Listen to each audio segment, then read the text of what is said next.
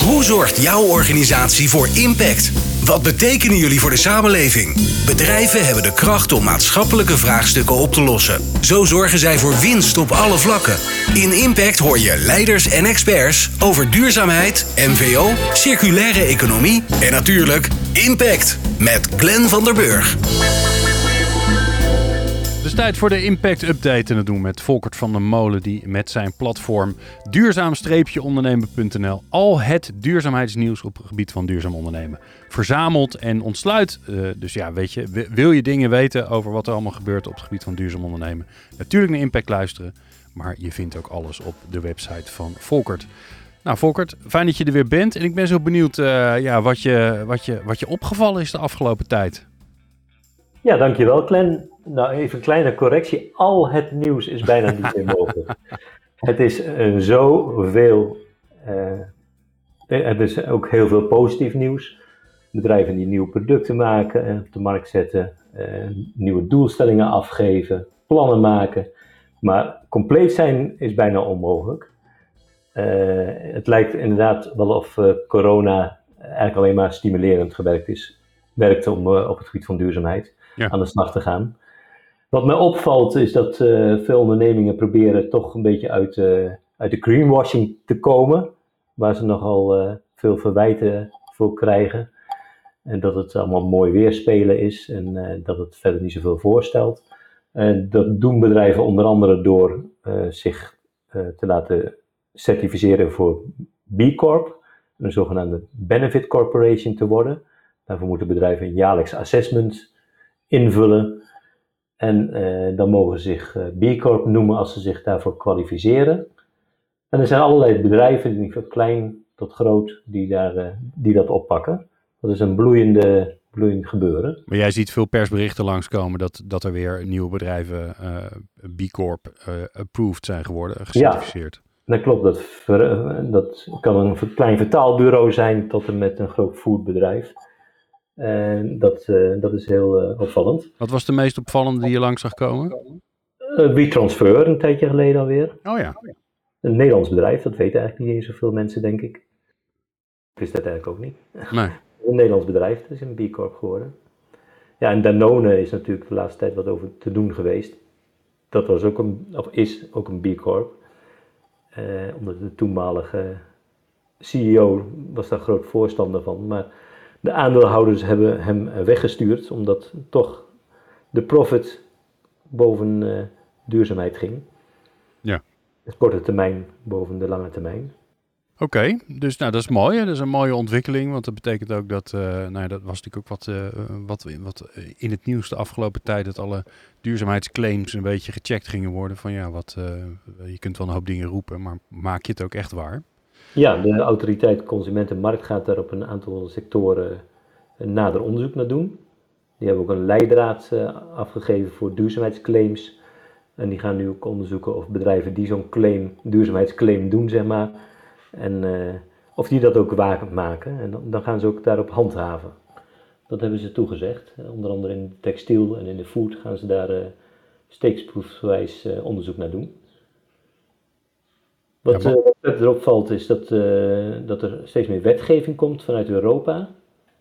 En uh, nog niet zo lang geleden in april is afgekondigd dat heel veel meer bedrijven ook een duurzaamheidsverslag moeten opstellen.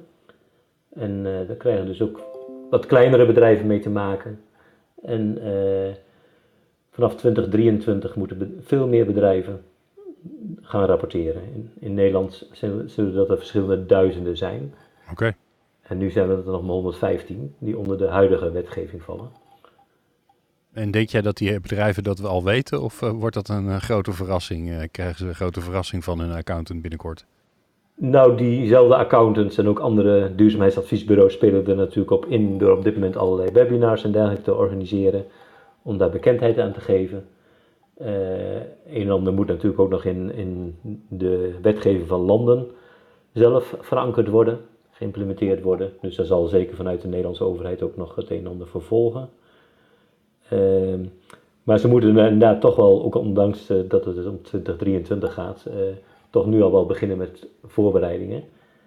Want eh, als je over een jaar wilt rapporteren, in het jaar na het rapportagejaar, moet je in datzelfde jaar wel gemeten hebben, zeg maar. Ja. Ja, als je En, niks eh, bij hebt gehouden, dan heb je natuurlijk eh, achteraf een probleem. Dat eh, kan natuurlijk ook niet de bedoeling zijn. Precies, en het moet ook allemaal nog betrouwbaar zijn, want ook eh, wordt, opnieuw, wordt nieuw geïntroduceerd dat er een accountantscontrole moet plaatsvinden. En zie daar het nieuwe businessmodel voor de accountants. Dat is ook mooi. Ja, die gaan zich ook steeds meer op het gebied van duurzaamheid begeven. Dat is zijn sterk groeiende afdelingen binnen die accountantsbureaus. En eh, ja, dat is een hele. eh, overigens gaat het sowieso niet slecht met de duurzaamheidsconsultancy-markt. Ik hoor eh, alom dat ze het moeite hebben om de projecten bemenst te krijgen, om nieuwe mensen aan te trekken. En ze moeten tegenwoordig zelfs al meeverkopen. Ja. Dus toon maar weer aan dat het allemaal sterk groeiend is. Ja, dat is mooi. Het gaat dus allemaal de goede kant op. Alright, dus we Ja. hebben, we hebben de, de, de certificering, de wetgeving, de verslaggeving. Het is allemaal een beetje de, ja, ik noem maar wel maar een beetje de saaie, saaie kant van, eh, van duurzaamheid wat we, wat we zien gebeuren. Die kant, als je dat alleen zo benadrukt, wel. maar er zijn ook heel veel leuke dingen. Gewoon bedrijven die leuke nieuwe producten op de markt eh, brengen. Eh, circulaire producten of met complete nieuwe circulaire businessmodellen komen. Over eh, een paar dagen, ik geloof zelfs over een paar weken, eh, komt er een Nederlands bedrijf, gaat de markt op en begint in Amsterdam eh, een nieuw eh, circulair businessmodel uit te rollen. Het bedrijf BU, daar kun je dan een abonnement nemen voor een tientje per maand als consument. En dan kun je gewoon een product lenen. En dan even afhalen. Je kunt ook bezorgd krijgen ter meer voor meer betaling. Maar je kunt dan 48 uur gebruik maken van bijvoorbeeld een elektrisch gereedschap. En eh, het materiaal blijft in eigendom van de fabrikant. Dus als het niet meer functioneert of dergelijke, dan wordt het gewoon vervangen door die fabrikant daarachter.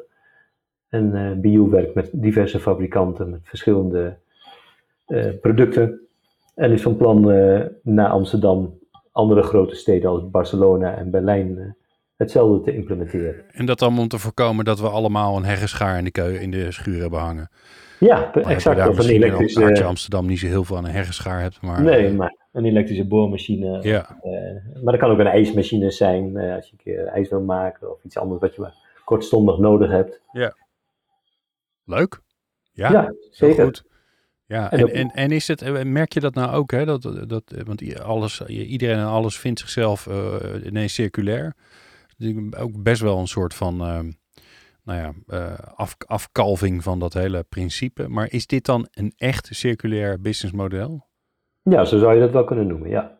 Ja. En eh, inderdaad zijn er veel, ko- komen er veel producten op de markt, of wordt wat vroeger recycling genoemd wordt, nu eh, ineens circulair genoemd. Maar er zijn ook producten zoals vandaag is het eh, World Oceans Day.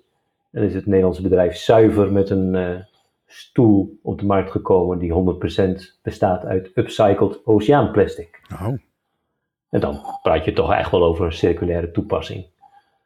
En eh, je ziet ook steeds meer eh, de wereld van investeerders eh, richting duurzaamheid lonken.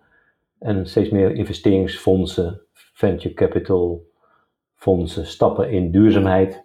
En maken ook publiekelijk bekend hoeveel impact zij eigenlijk maken met hun geld. En koppelen dat bijvoorbeeld aan de Sustainable Development Goals. Of eh, gaan echt de daadwerkelijke impact meten. Hoeveel ze nou aan duurzaamheid bijdragen met hun investeringen. heb je daar een voorbeeld van langs zien komen? Toevallig vandaag nog eh, een bedrijf eh, wat stapt in een eh, Nederlandse verpakkingsproducent. die bijvoorbeeld van die tubes maakt op basis van suikerriet. En dat investeringsfonds stapt heel doelbewust in op dit verpakkingsbedrijf. Hm. Dan gaat het om het bedrijf eh, Menta, wat eh, in het Nederlandse verpakkingsbedrijf stapt. Nou, wat je ziet is dat vandaag bijvoorbeeld een, af, eh, een samenwerking is afgekondigd tussen Wageningen Universiteit en Research, samen met PWWIC. Ook al een heel lang bestaand investeringsfonds wat specifiek zich altijd al heeft gericht op impact investing.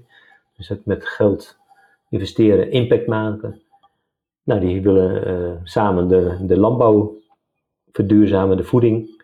En, eh, en samen eh, investeringsmogelijkheden zoeken die echt impact maken op dit gebied. Wauw. Nou, je ziet ook, ja, ook veel schaalvergroting. Met, bijvoorbeeld vandaag ook bekend geworden de Dutch Wheatburger. Toch wel een heel bekend product gemaakt op basis van zeewier. die is overgenomen door een groot voedingsbedrijf wat opgezet is door de oud-directeur van Unilever, waar de oud-CEO van Unilever, Paul Polman, in de Raad van Commissarissen zit.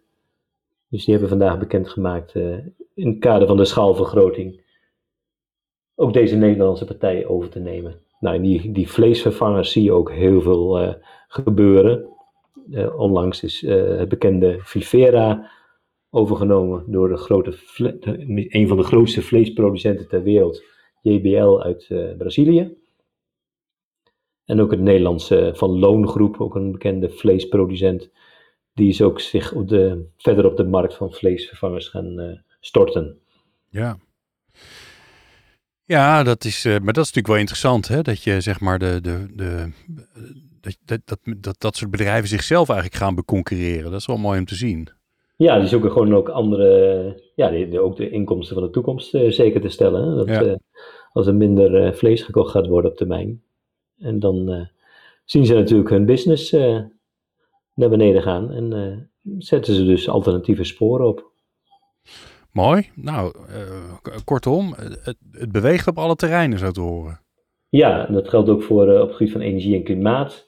Met bedrijven die zich nu duidelijk conformeren aan de, het Parijsakkoord en doelstellingen afgeven die ook geverifieerd zijn, uh, daar ook transparantie over bieden. Uh, ja, het hele elektrische rijden uh, neemt enorm toe, ondanks dat de fiscale voordelen wat verdwenen zijn, maar ook in de, in de grotere transport vindt er een versnelling plaats. En je ziet natuurlijk ook de pakjes al steeds meer geleverd worden met elektrische busjes bijvoorbeeld. En onlangs is aangetoond in een onderzoek dat e-commerce eigenlijk minder vervuilend is uh, en duurzamer is dan uh, het winkelen. Oh.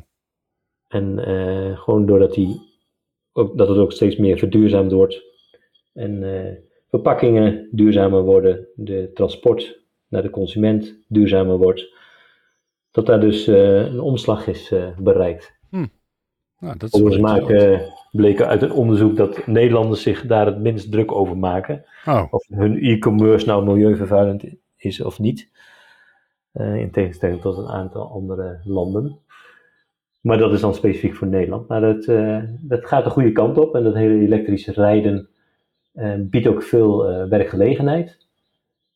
Dus pas becijferd dat dat in 2030 zo'n 13.500 werknemers uh, betreft. Die, in de, die werk vinden in de elektrische rijdensector. Oké. En dat was uh, tot voor kort nog zo'n 7000. Dus dat uh, is bijna een verdubbeling in, in enkele jaren.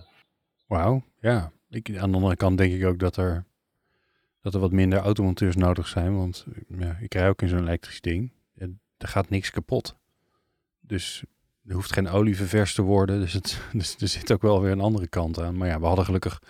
We hebben gelukkig al te weinig automonteurs. Dus dat is minder erg dat we, dat we daar ook wat minder nodig hebben. Ja, op dat gebied is inderdaad wel uh, wat minder uh, werkgelegenheid te verwachten. Maar uh, in de productie en de ontwikkeling en alles met laadpalen enzovoort enzovoort, dat is echt booming. Alright, jeetje, hey, nou, wat een. je hebt wel even tijd aan gehad om hier een overzichtje van te maken. Zeg. Goedemorgen, hey. wat gebeurt er een hoop? Ja, het is, er zijn echt, denk ik wel zo'n 20 berichten per dag die interessant zijn. En uh, ook gewoon leuke foodproducten die, uh, die ik dan ook vaak thuisgestuurd krijg om er kennis van te maken. Oh, dus, uh, kijk aan. Dat is ook wel een leuke bijkomstigheid van al dit nieuws. Jij hoeft gewoon geen boodschappen meer te doen. Nou, mijn vrouw zegt inderdaad wel eens van, die mag een nieuwe garage aanschaffen om de pakjes kwijt te kunnen. Maar nou, zo erg is het nog niet. Maar het is ook wel leuk om, er zit ook wel echt wel kwaliteitsverschil in je bijvoorbeeld over vleesvervangers spreekt, dan uh, zijn sommige dingen heel lekker. En uh, zie je het verschil eigenlijk al niet meer. Ja. Hoef je het verschil bijna niet meer. En uh, sommige dingen, dan denk je toch van, nou, ga dan maar even terug naar het laboratorium om Ja, nog wat uh, Back to the drawing table. te sleutelen. Nou, wat is jouw favoriet? Dat is een mooie, mooie afsluiter. Voor, dat iedereen straks gelijk naar de supermarkt kan rennen om, die, uh, om dat schap leeg te kopen. Nou, dat gaat me eigenlijk wat te ver om daar nu namen in te noemen. uh, er zijn ook verschillende rankings van supermarkten zelf. Overigens heeft, uh, gaat Lidl binnenkort de duurzaamste supermarkt van Nederland openen in Almere. Oh. Helemaal energie-neutraal en ook circulair. En, uh, maar ook daar zijn de supermarkten volop in bezig, maar ook hun assortimenten verduurzamen. En uh, je ziet dat de ene ranking, dan komt Lidl bijvoorbeeld weer bovenaan en dan weer een Albert Heijn en dan weer een Plus. Het verschilt ook erg wat, naar waar gekeken wordt. En ook in de beleving van de consument verschilt dat. Ja, maar ze zijn er in ieder geval mee bezig en het, en, het, en het heeft de aandacht. Ze willen ook graag hoog op die lijstje staan natuurlijk. Ja, en, uh, en daarnaast wordt er ook wel in het kader van een convenant voeding het een en ander van de supermarkten en ook van de voedingsproducenten verwacht. Ja. Die moeten ook gewoon meters maken. Alright, Volkert. Um, ik zou zeggen, um, uh, want je hebt vast nog veel meer, maar dat besparen we mooi op voor de volgende keer. Want um, uh, ja, één keer in de zoveel tijd dan uh, spreken we elkaar en dan nemen we even weer het nieuws door. Nou, dat, dat was dit keer flink wat. Ja, zeker. Dus dat is Doe mooi. Maar. Dat is alleen maar mooi. Ja. Hey, dankjewel Fokkers van der Molen. Meer kun je natuurlijk vinden op uh, duurzaam-ondernemen.nl uh, als je bij wil blijven op wat er allemaal gebeurt op het gebied van duurzaam ondernemen. Wie er allemaal uh, nieuws de wereld instuurt. Dankjewel Volkert. Graag gedaan. Meer afleveringen van Impact vind je op impact.radio.